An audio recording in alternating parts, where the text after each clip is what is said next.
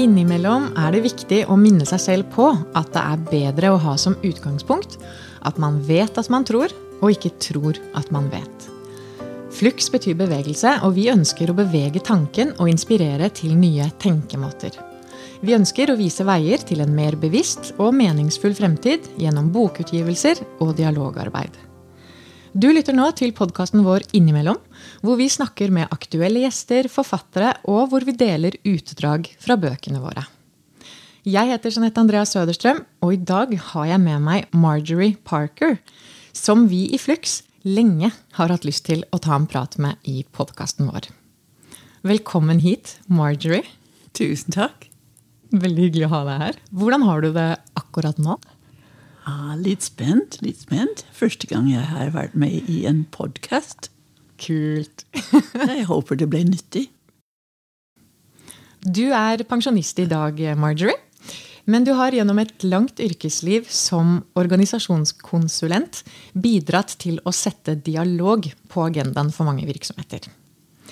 I 2012 ga du ut boka 'Dialog en praktisk veileder' sammen med Lise Hannevik på Flux forlag. Eh, og det er en bok som belyser hvordan dialog som redskap kan utfordre gamle tankemønstre, belyse ulike perspektiver og stimulere til nyskaping. Og da spesielt i organisasjonssammenheng. Så ja, i dag skal vi snakke sammen om alt dette. Både med utgangspunkt i boka jeg har nevnt, eh, og i bakgrunnen din, og i erfaringer du har gjort deg gjennom yrkeslivet. Før vi starter med alt det, både hyperaktuelle og kjempespennende som vi skal innom i dag, så vil jeg aller først stille deg spørsmålet hvem eller hva inspirerte deg i barndommen? ja, hva var det? Altså, det første som faller meg inn, er et uh, mitt første brevvenn.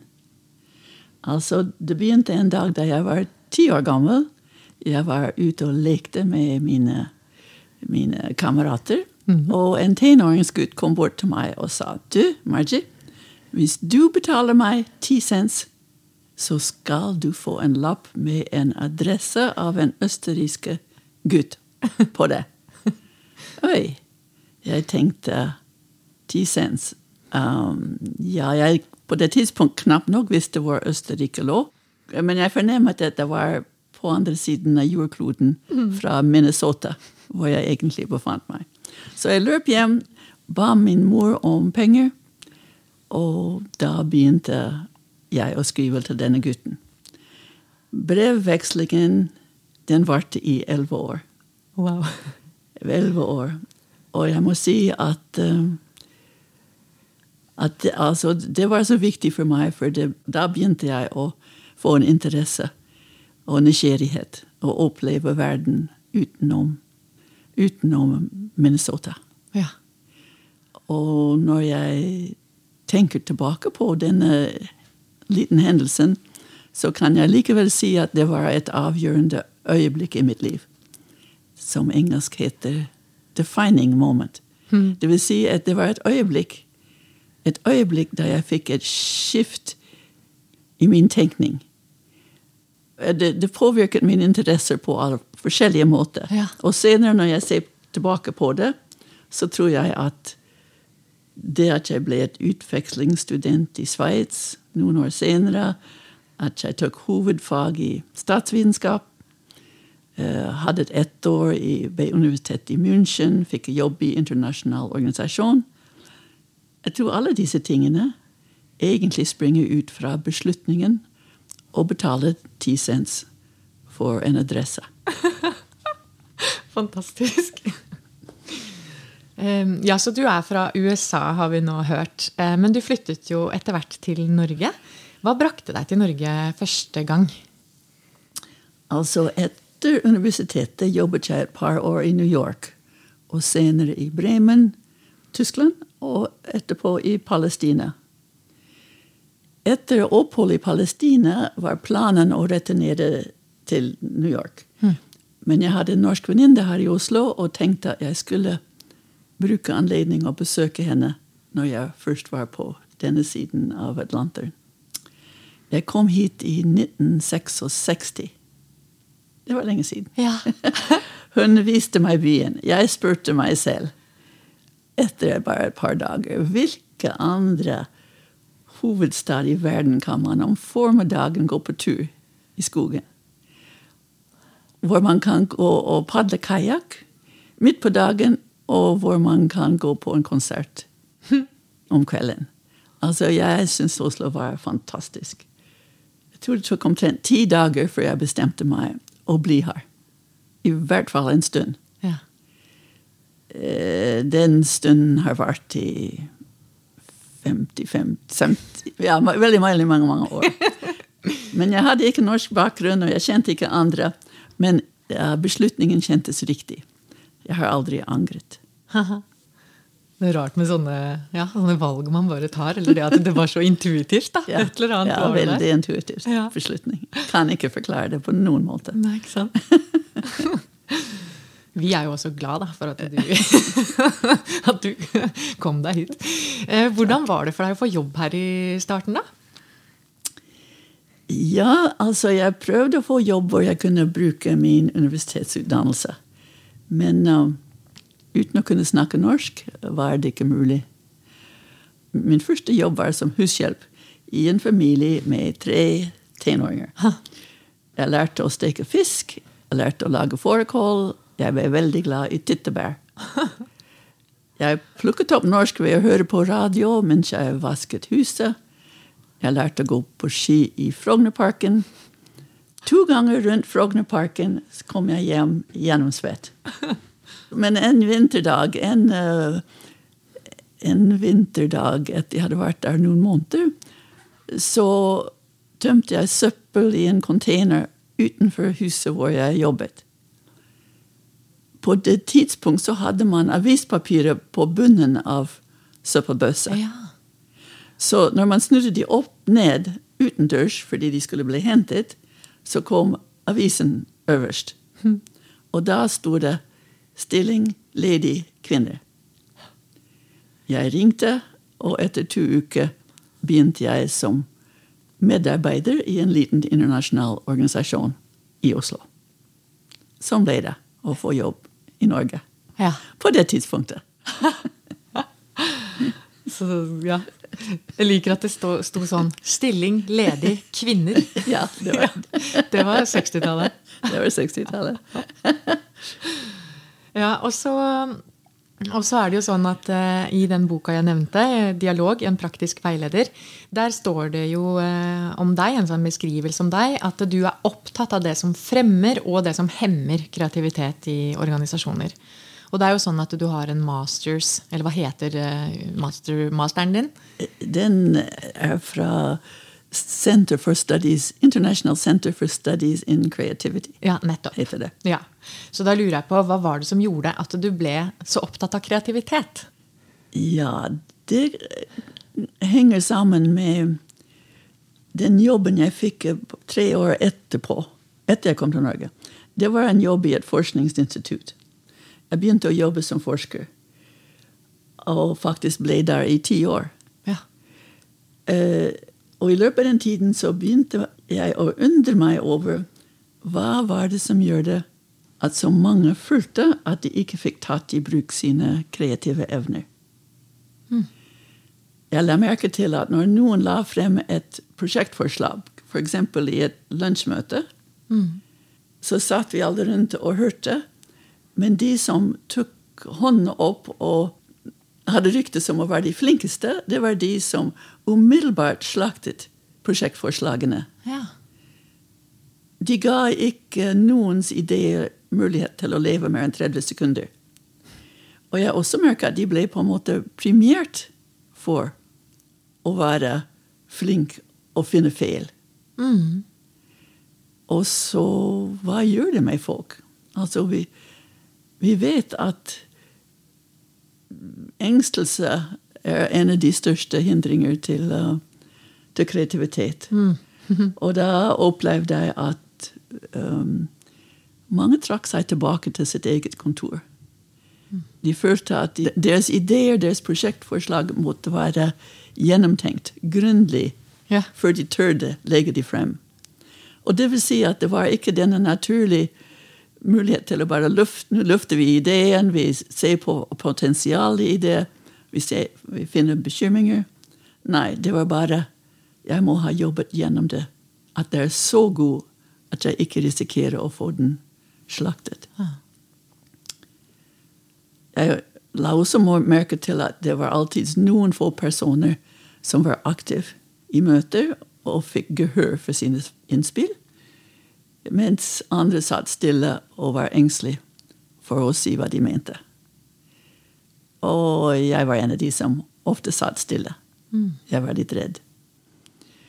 Så da ble jeg mer og mer nysgjerrig på hva er det hos den enkelte, hva er det i grupper, hva er det i organisasjoner som påvirker vår evne til å tenke nytt.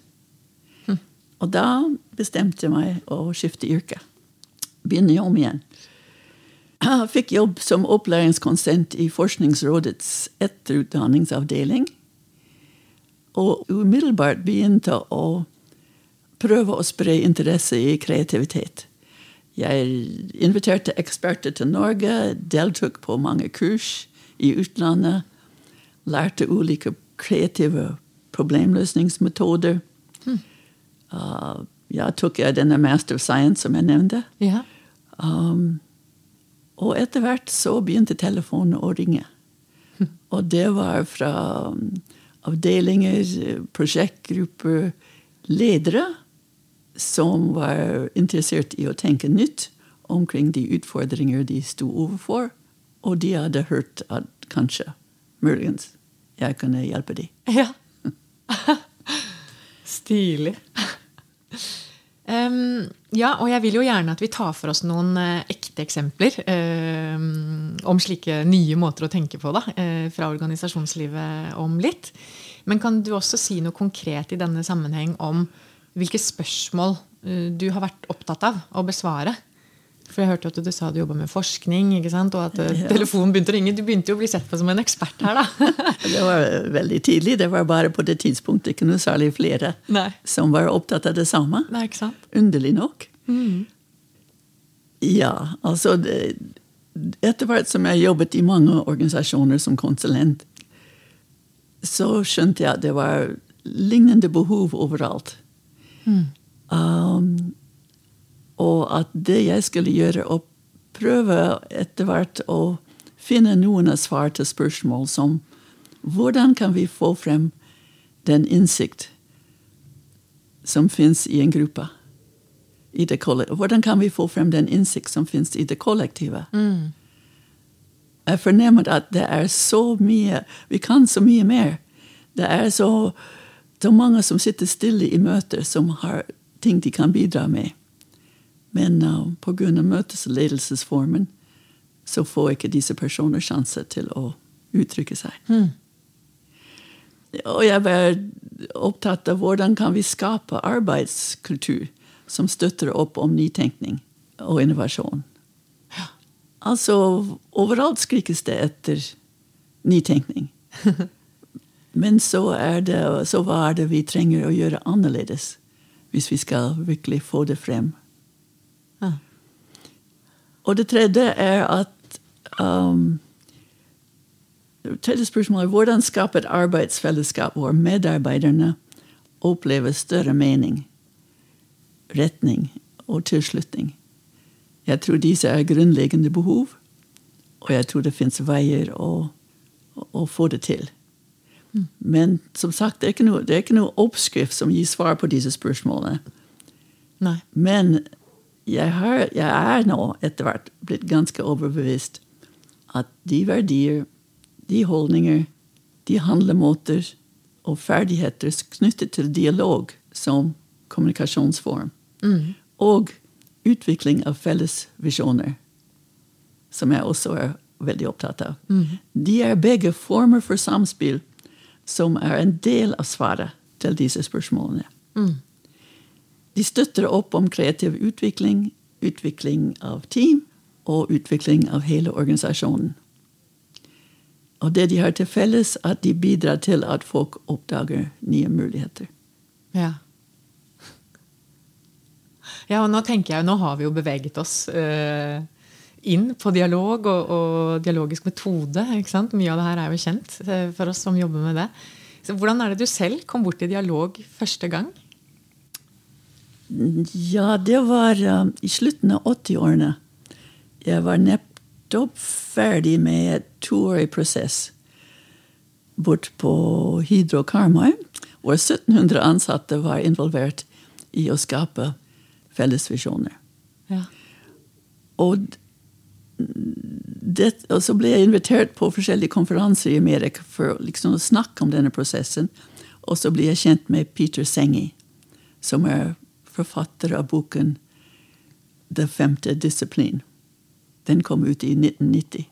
Ja. Slik at etter hvert Peter Senge kjente til det arbeidet, og han inviterte meg til eh, Hvis jeg husker riktig, så var det det første store dialogmøtet de skulle ha i Boston med en gruppe forskere, konsulenter og ledere fra ulike yrker. ja.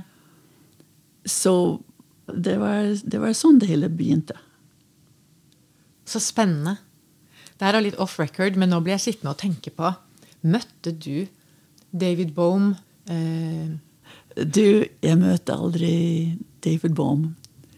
Um, han var i Oslo. Ja. Om, om det var kort tid etterpå eller før, det husker jeg ikke. Jeg tror det var rundt det årstallet det var, ja. det var rundt det. Mhm. Eh, det var mye skriving om, om dialog på det tidspunktet. ja, ikke sant? Ja. Og Noam Chomsky, har du noe forhold til han, eller? Ah, kjenner, men eh, Nei. nei, Nei. ikke, ikke. Jeg bare ble nysgjerrig. Bare fikk Vi har ikke drukket kaffe sammen. Søren nå, for da hadde jeg blitt starstruck. ja. Sorry. Ja, nei, men så, så hvordan opplevdes det for deg da å være med i en dialog første gang? Ja, altså Å være i dialog første gang føltes helt annerledes enn en vanlig diskusjon. Um, jeg var veldig usikker og søkende, og hva er det, dette for noe?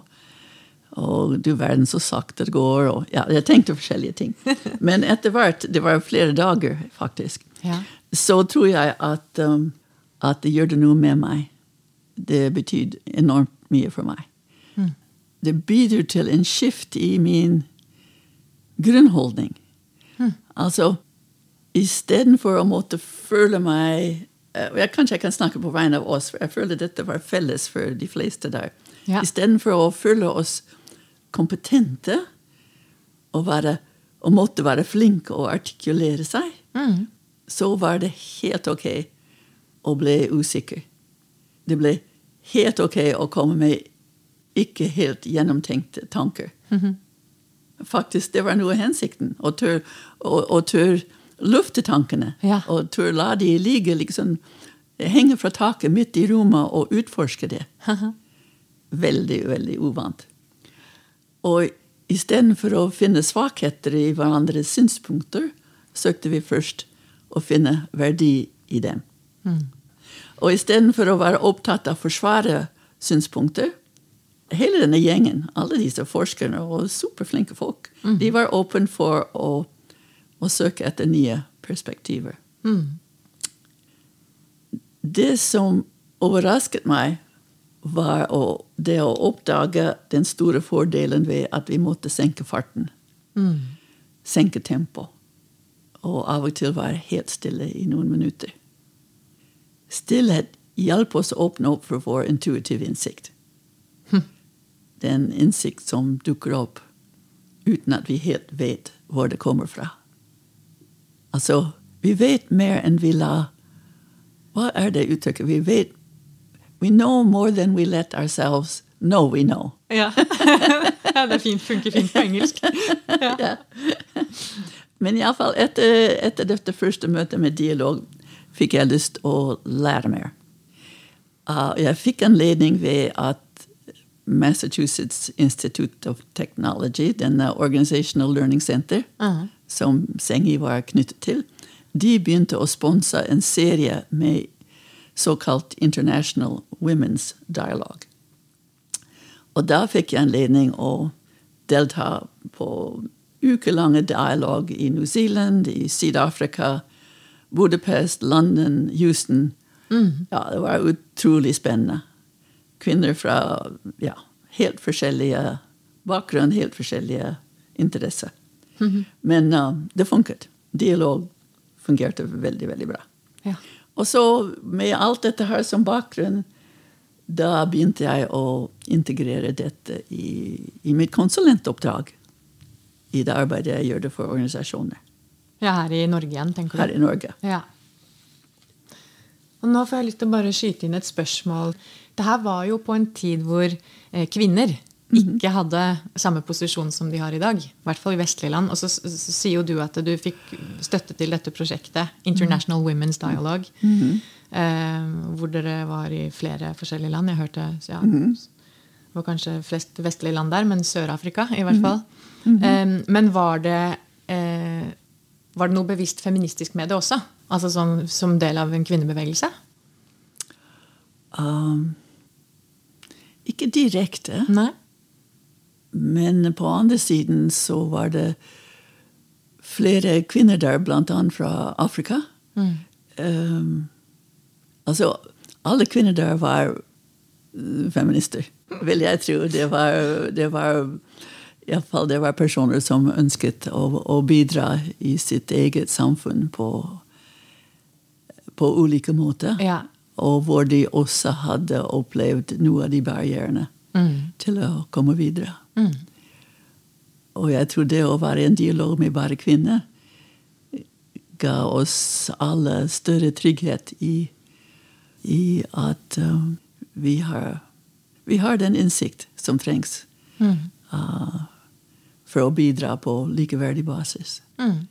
Det var det aldri tvil om. Nei, det var bare, Ja. det var bare sånn bilde jeg fikk i hodet. Ja. Og så- Og så skal det jo sies at eh, selvsagt dette med dialog i seg Ja. selv eh, har jo enorm effekt på veldig mange arenaer. Ja. Også når vi blander kjønn. Men selvsagt så kan det være noe eh, Noen ganger kan det være ekstra viktig om man bare er menn i en dialog, eller om man bare er kvinner. Ja. Så, mm. um, ja, så blant annet da, basert på mye av det du har snakka om nå, og mye av det du har erfart, så ville du også skrive denne veiledningsboka i dialog. da. Nå er det jo over ti år siden den eh, kom ut. Boka som jeg har nevnt, 'Dialog en praktisk veileder'. Eh, Den ble publisert i 2012 her på Flux forlag. Eh, Kan jeg bare spørre hvorfor du ville skrive den boka? Ja, altså, altså Den dialogformen som, som begynte nå å få innpass, og som jeg var opptatt av, den bygger på David Bohms teorier. Um, og det som var skrevet på den tidspunkt, var litt vel teoretisk. For altså, jeg, følte at, at Jeg vet at, at de færreste ledere har tid å lese tukke, tjukke bøker med mye teori. Og jeg var veldig opptatt av at dialog må få innpass i næringslivet. Ja. At kanskje ved et, et, et enklere praktisk veileder som kunne vise litt konkret eh, hvordan man kan gå frem, hva man møter når man starter en dialog, hva er de problemer som dukker opp underveis, hvordan takler man de. Jeg tenkte at det var behov for det. Um, så det ble en slags eh, veiledning, how to-bok for ledere, konsulenter, pedagoger. Um, og jeg var veldig heldig. Jeg fikk uh, første lektor, Lise Hannevik, som medforfatter. Ja. Ja, og det er jo en veldig, det er jo akkurat det Tittelen sier jo det. En praktisk veileder. Og det er jo en veldig praktisk bok. Jeg har jo lest den selv. Vi fikk den jo den gangen jeg var med i det som heter Dialogisk lederskapsprogram i regi Flux, så fikk vi den som en del av den startpakka med bøker da, som handler om dialog. Så, så den anbefaler jeg. Og hvis vi skal tilbake til erfaringene dine fra real life, da. Hva, um, uh, ja, hva har du opplevd mest utfordrende med å introdusere dialog? Um, det første jeg hører når jeg begynner å hva heter det på norsk, å ymte frem at dialog kan være mulig, når jeg er inne i en bedrift Ja, ja. som konsulent Det første jeg hører, er 'Vi har ikke tid til dette'. Ha, hallo? ikke helt å vite hva det dreier seg om, så får jeg den reaksjonen at vi har ikke tid. Det er så mange ulike forestillinger om dialog at det er bare et ord. Ikke sant? Det tar litt tid å, å, å komme inn på det og forklare hva det dreier seg om, men, men det viktigste er å, eh, å ta seg tid og, Nei, si, si det slik. Ta seg tid til å sitte sammen med kolleger for å identifisere, formulere og utforske spørsmål som betyr virkelig noe. Dette regnes ikke som en del av jobben. Nei, ikke sant? Det regnes ikke som jobb, liksom. Ja, altså Det er en vanlig oppfatning at virkelig arbeid det dreier seg om å informere hverandre, hoppe på løsninger og fatte beslutninger. Ja. Mm. Kanskje litt overdrevet, men stort sett. Jeg skjønner hva du mener. Så å ta seg tid til å sitte sammen med lederteamet i fred og ro og ha en dialog om spørsmål som virkelig betyr noe, det er uvant. Så når det først er slik, hva er utfordring? Det som er mest utfordrende, syns jeg, det er når man syns at her kan dialog være et aktuell fremgangsmåte. Mm. Det er å finne et spørsmål um, som er relevant. Et spørsmål som identifiserer et spørsmål eller en sak som har reell betydning for virksomheten. Ja. Mm. For ledergrupper de har ikke tid bare å, å prate løst og fast og vente og vente til et spørsmål dukker opp. De må ha følelse av at dette har reell betydning. Um, ja. ja, Og derfor må de ha en følelse av at dialog ja. er nyttig også, er er nyttig. Da- Dialog er nyttig. Ja. Ja. Uten denne positive erfaring ville det bare bli sånn konsulentgreie. Ja. Sånn hokus pokus. Hokus pokus. Ja, nei, men det, Og det tenker jeg jo er et, et veldig godt innspill. Eh, så får vi håpe mange som eh, jobber som ledere eller tett på ledere, hører på det her. fordi jeg tror nok at det der er ganske relevant for veldig mange virksomheter. Ja. Ja, og I hvilke sammenhenger syns du at dialog er mest nyttig, da? ja, det spørsmålet har fått meg til å tenke. Og jeg vi har et uttrykk på engelsk som heter 'my best current thinking'. Så my best current thinking, og det betyr at det kan endre seg, men det er at det er tre viktige sammenhenger hvor dialog er nyttig i arbeidssammenheng. Ja. Det første det er når en ledergruppe eller et team har et behov for en dypere felles forståelse av en verdi, et utsagn eller en konsept. Ok, og nå skal jeg forklare hva jeg mener. ja, Med et eksempel? Ja. Ja. Altså i korridorene, i internseminarer, i allmannemøter, på mandagsmøter hører alle utsagn som at folkens, vi må bli mer innovative. Vi må være mer responsive. Vi må være mer transparent.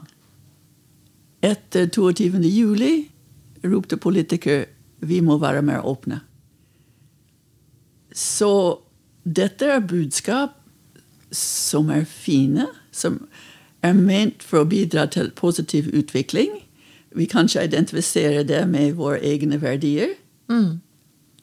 Problemet er at etter man kommer med slike utsagn, så vanligvis så skjer det ingenting. De blir gjentatt, de kommer kanskje på et plakat på en vegg. Ikke sant? Vi må være transparent. Vi må, ja. Så hvorfor ikke? Hvorfor skjer det ingenting? Og her er min hypotese at det er fordi det er ingen dypere fellesforståelse for hva mer innovativ, mer transparent, mer åpne, hva det egentlig betyr. Altså alle har forestillinger om det. Alle har en forestilling om hva det kan bety. Men det er ikke et, et felles forståelse som gir retning for handling. Så frustrasjonen øker. Og når man hører at å ja, lederen han er opptatt av at vi skal nå være så, så konkurransedyktig. Ja, ja, ja, det har jeg stått der i et halvt år. Men ingen vet egentlig hva vil det si. Nei, ikke sant? Hva vil det si når vi er konkurransedyktige? Ja, det er der dialogen trengs, Ja. kanskje? Ja, ja. Ja. Så dialog som møteform det gir de som er involvert, anledning til å reflektere over slike verdier og utsagn og budskap. Mm. Gjennom dialog kan man etter hvert få klare forestillinger om hvordan de ønsker seg at f.eks. en verdi som åpenhet skal manifestere seg i fremtiden. Mitt poeng da er at gjennom dialog øker sannsynligheten for at gode intensjoner kan føre til handling. At de kan bli realiteter, Ja. ikke bare velmente flosker. Ja, ja. Det er veldig fint med sånne eksempler. så Når du tar for deg hvilke andre sammenhenger du syns dialog er mest nyttig, så er det topp om du har eksempel der òg. Jo. Ledere i et avdelingsinstitutt, i et forskningsinstitutt, begynte å snakke om viktigheten av at alle medarbeidere skulle være bærere av en helhetsforståelse. Ja. Hva i all verden betyr det?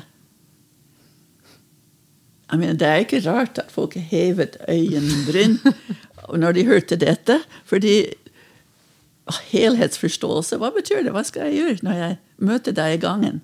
Når jeg har en, hel- ja. Altså, det var forvirring om det, det var frustrasjon om det.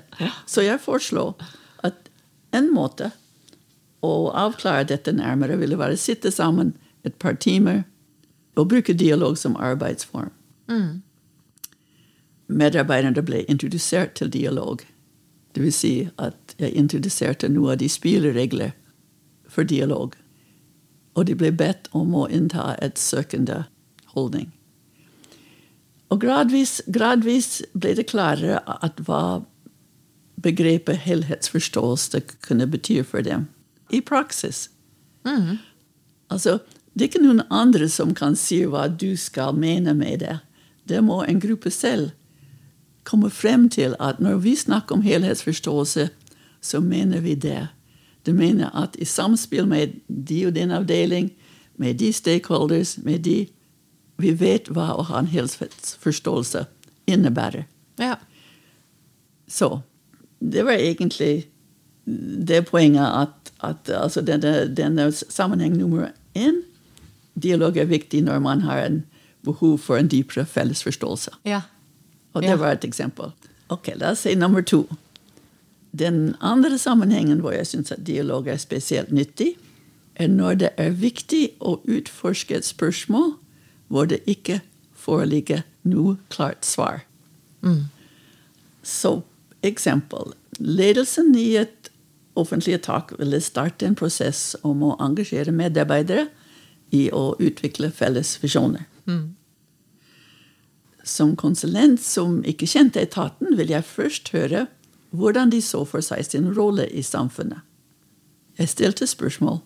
Hva er deres dypere liggende hensikt? Hvorfor er dere egentlig her?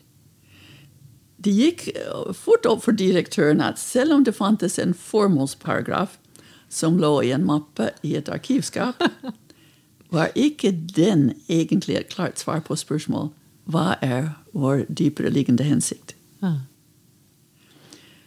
Så vi ble enige at før de begynte med å engasjere folk i å skape felles visjoner, var det viktig å bruke tid på å tenke nytt om hva som er hensikten.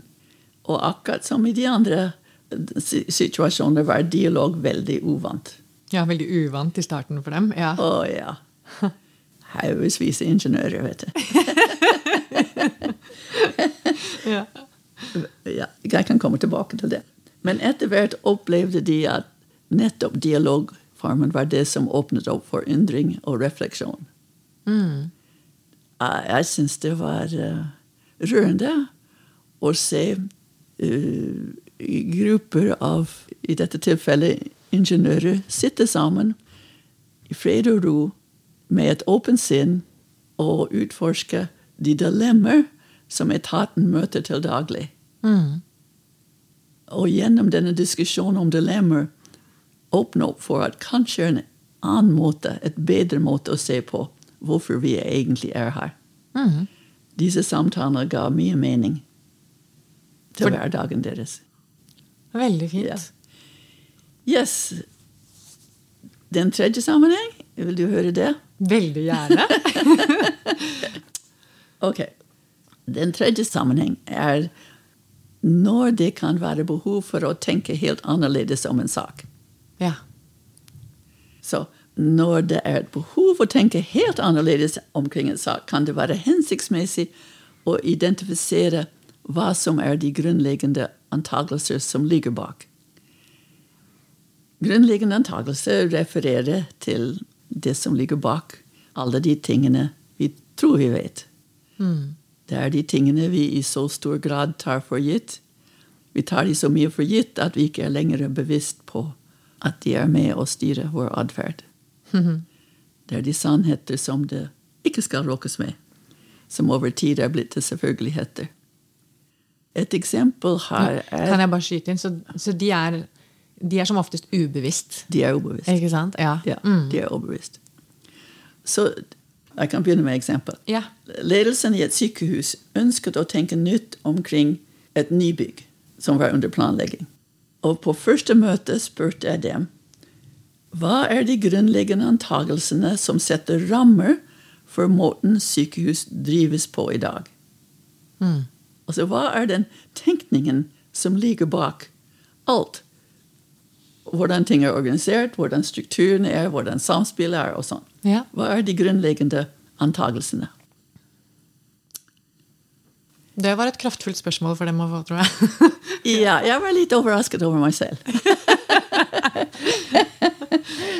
Men med et sånt spørsmål så er det, det er Selvfølgelig det er ingen som er ekspert. Det var ingen, det var ingen som hadde et svar. Nei.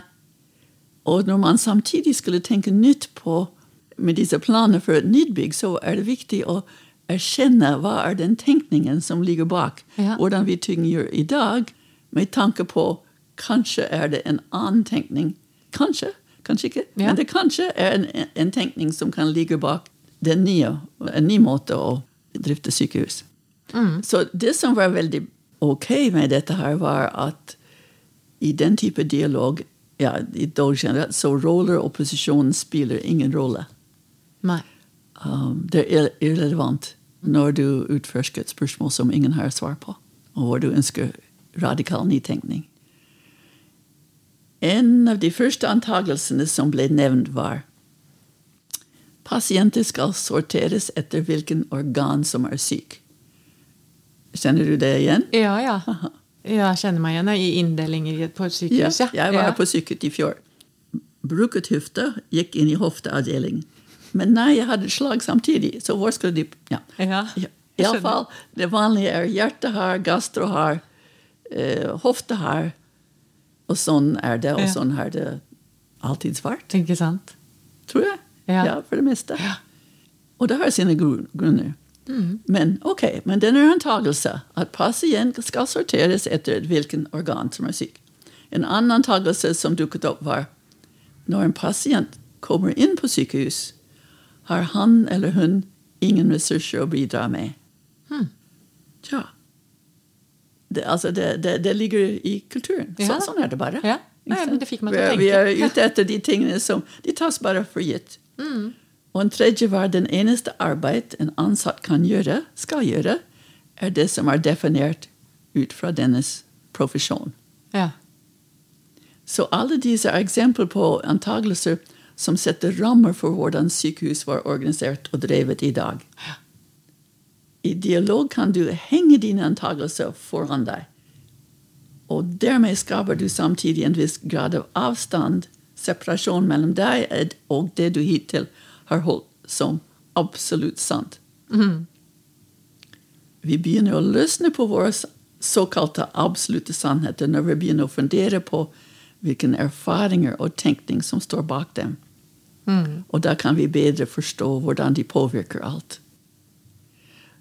Så de, de tre antagelsene som nevnt, de påvirker sykehuset i dag. Hvordan det er bygget, hva samspill mellom avdelingen, hvem, altså hva folk Ja. gjør, hva de ikke gjør. Det, det påvirker alt. Ja, ja, ja. Ja. Så jeg sier ikke at det er god eller dårlig eller riktig, eller det er bare at det påvirker. Og ved å bevisst det, så kan man begynne å undres over det fins alternativer. når det er viktig å tenke nytt, så er det viktig å gå tilbake og tenke på hva er den tenkning som ligger bak det som vi har gjort i dag. Har vi alternativer å bygge på i fremtid?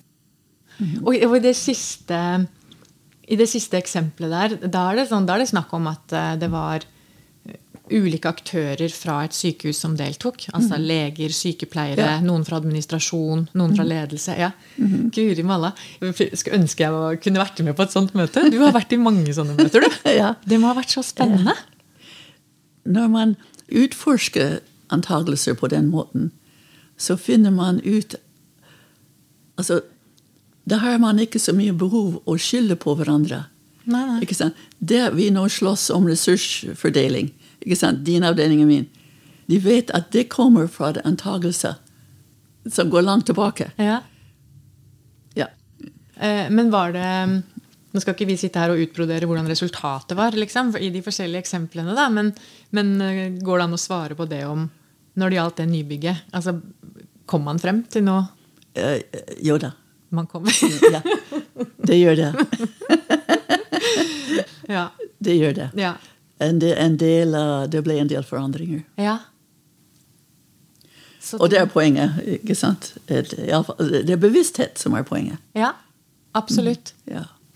Bevissthet eh, Ja, også som du sa litt tidligere, både sånn ikke sant, personlig utvikling, men også kreativ utvikling, og måten det Måten det også påvirker eh, samspillet mellom oss. Måten vi opplever alle disse gitte Ja. sannhetene også. ja.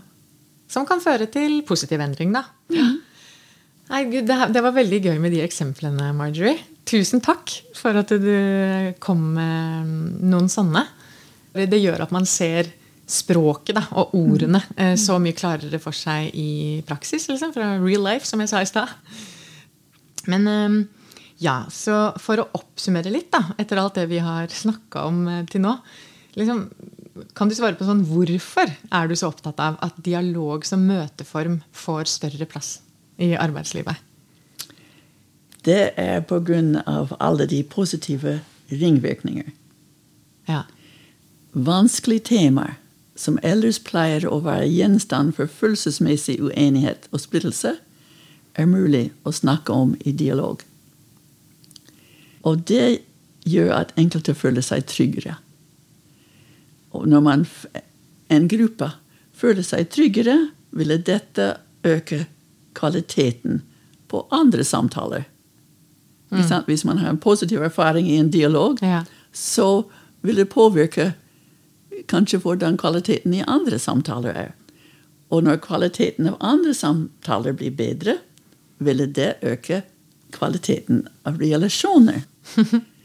Ok, Og når bedre, bedre kvaliteten på relasjoner ville kunne føre til bedre kommunikasjon totalt i organisasjonen. Mm. Alt henger Altså, sammen. Dette er min hypotese. Jeg Jeg Ja, ser det som en, en ring. Ja. Som det ene påvirker det andre, og det blir påvirket. Og det neste blir påvirket, er bedre kommunikasjon vil igjen gi større rom og større villighet. Mer mot til å stille de spørsmål som aldri blir stilt. Ja. Så ringvirkning av å innlemme dialog som arbeidsform i arbeidsliv vil styrke den enkeltes mot til å bidra med ideer, ideer og løsninger. Og jeg tror at dette vil øke eierforhold til beslutninger og forpliktende handling. Når relasjoner forbedres, vil resultatene forbedres hos individer og i organisasjonen. Altså, media roper stadig etter nytenkning. Engstelse og vanetenkning er ofte nevnt som det største barriere til nytenkning. ja. Dialog er en arbeidsform som bidrar til å redusere engstelse, og som hjelper oss å oppdage nye og nyttige perspektiver. Dialog åpner opp for ny innsikt, det åpner opp for forståelse, det åpner opp for toleranse. Så jeg tror med hele hjertet at det å bruke dialog til å få frem en kollektiv intelligens om spørsmål som påvirker våre organisasjoner, det er en av de viktigste investeringer som ledere kan gjøre. Amen. Ja, ja det hørtes litt sånn. Nei, men, ja, det, ja, men det blir jo litt sånn noen ganger. Men eh, det, altså, ja. Det er ganske mye som også er logisk med dette, når man sitter sånn og hører på både eksemplene, Mm. men eh, Men, men ser du denne ringvirkning? Ja, den ringvirkningen er veldig fint. Det er som en sånn sirkel, ja. Aha. Ja, fint det. Ting, alle ting blir påvirket. Alle ting henger sammen. Vi påvirker, og vi blir påvirket. Ja. Dialog kan være et middel til å uh, sette i sving en forbedring av mange ting som ville ha konsekvenser for resultater. Noe som ledelsen i bedrifter er opptatt av. Nettopp. Mm. Yes. Ja. Vi snakker jo ofte om i Flux og i podkasten dette med å gå bort fra fragmentert tenkning sant? og se virkeligheten fragmentert. Og tenke mer helhetlig. Da. Og da tenker jeg jo at akkurat det eksempelet du ga der, denne sirkelen, hva som påvirker det ene og det andre, er et godt bilde på det. da. Hvordan man kan se de ulike fragmentene som til slutt fyller helheten. da. Ja. Ja, Kjempeinspirerende. Apropos inspirasjon, nå er det jo sånn at vi går mot slutten i samtalen vår. Og vi startet jo samtalen med å snakke om noe som inspirerte deg i barndommen. Og nå som vi er i ferd med å avslutte, så har jeg lyst til å spørre deg om hvor du henter inspirasjon i dag.